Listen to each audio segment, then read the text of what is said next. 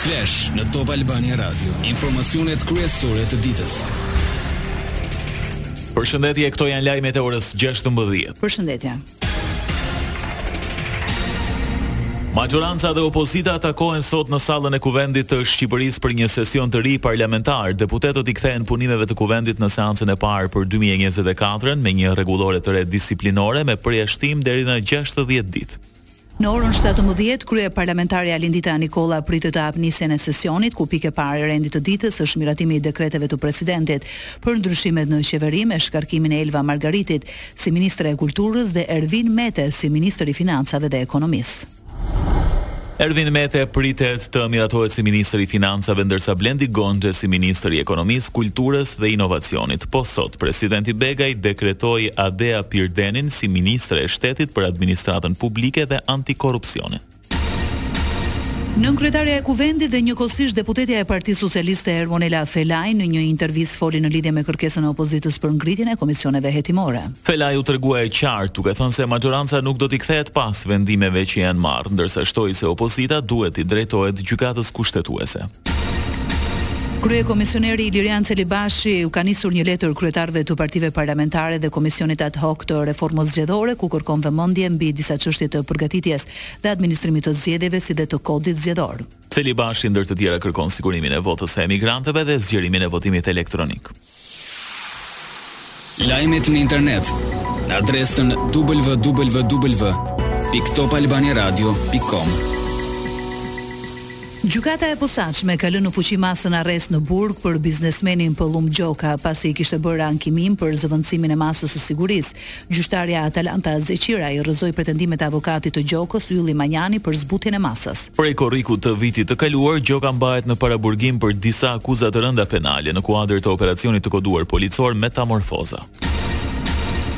Klinika dentare e Splendent ku mori trajtim dhe më pas ndërroi jetë tre vjeçari me inicialet BS e ka marrë licencën një muaj pas ngjarjes tragjike. Ina Xhaxho mori licencën e subjektit më tridhjetë e një tetor dy mijë e njëzet e tre, ndërsa ngjarja ka ndodhur në fillim të tetorit. Sipas dokumentit të Qendrës Kombëtare të Licencimit, fillimisht u kërkuesit iu refuzua gjashtë herë marrja e licencës me argumentin se nuk përmbush kriteret përkatëse.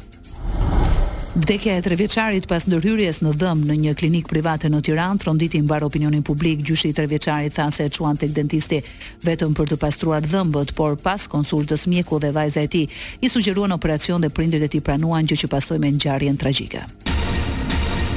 Aksidentet vazhdojnë të përgjakin rrugët e vendit, më i fundit me një viktimë u shënua në mëngjes në aksin Fushë-Krujë-Vorë. Grupi hetimor në terren vijon punën për zbardhjen e rrethanave, por paraprakisht mësohet se humbi jetën drejtuesi i një automjeti si dhe u plagosën dy persona të tjerë që udhëtonin me të.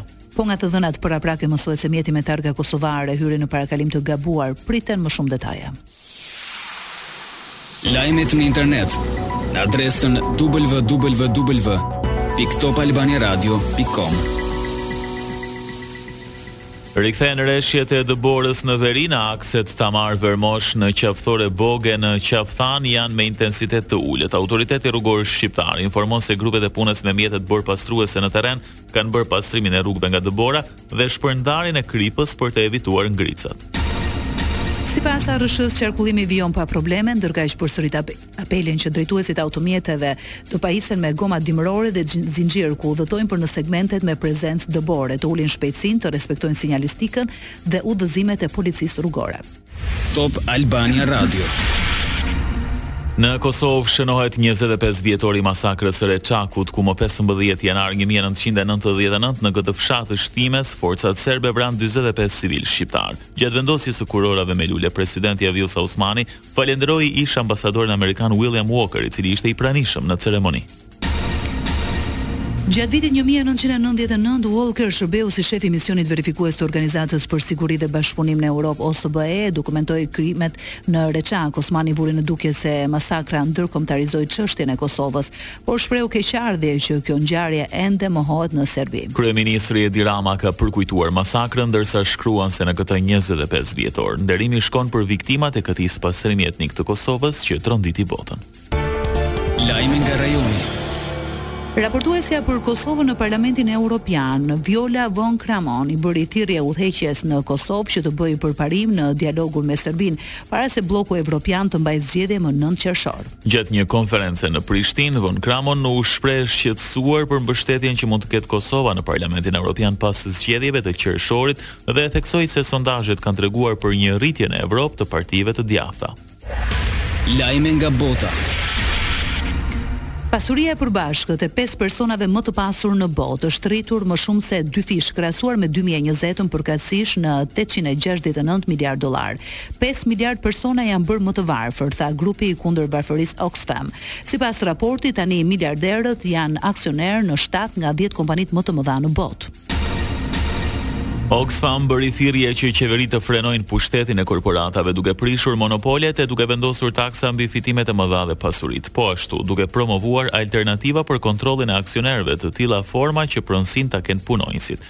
Vlerësohet se njëqind e dyzet e tetë korporatat kryesore kanë fitim prej një pikë tetë trilionë dollarësh, pesëdhjetë e dy përqind më shumë se mesatarja trevjeçare.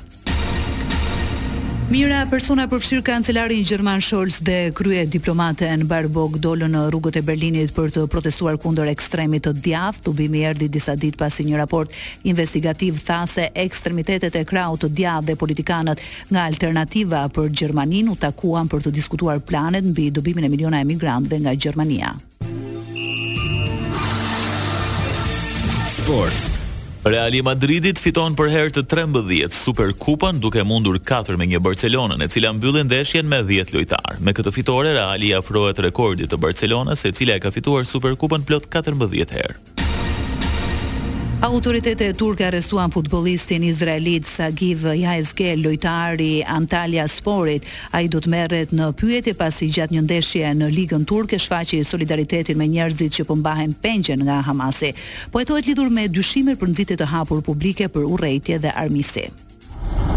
Pasi i shënoi golin e barazimit kundër klubit Trabzonspor, futbollisti 28 vjeçar shfaqi një fashë të lidhur në kyçin e dorës, ku shkruhej se janë bërë 100 ditë që kur pengjet u rrëmbyen më 7 tetor. Ky gjest u vlerësua si provokues në Turqi, vend ku ka një kundërshtim të madh e të hapur ndaj veprimeve ushtarake të Izraelit në Gaza. Parashikimi i motit. Sa i përket parashikimit të motit për orët në vijim, vendi ynë do të ndikohet nga kushte të paqëndrueshme atmosferike si rezultat i masave ajrore të lagështa me origjinë veriperëndimore, moti mbetet me vranësira mesatare të dendura si dhe me reshje shiu e dëbore. Temperaturat variojnë nga zero deri në katërmbëdhjetë gradë Celsius.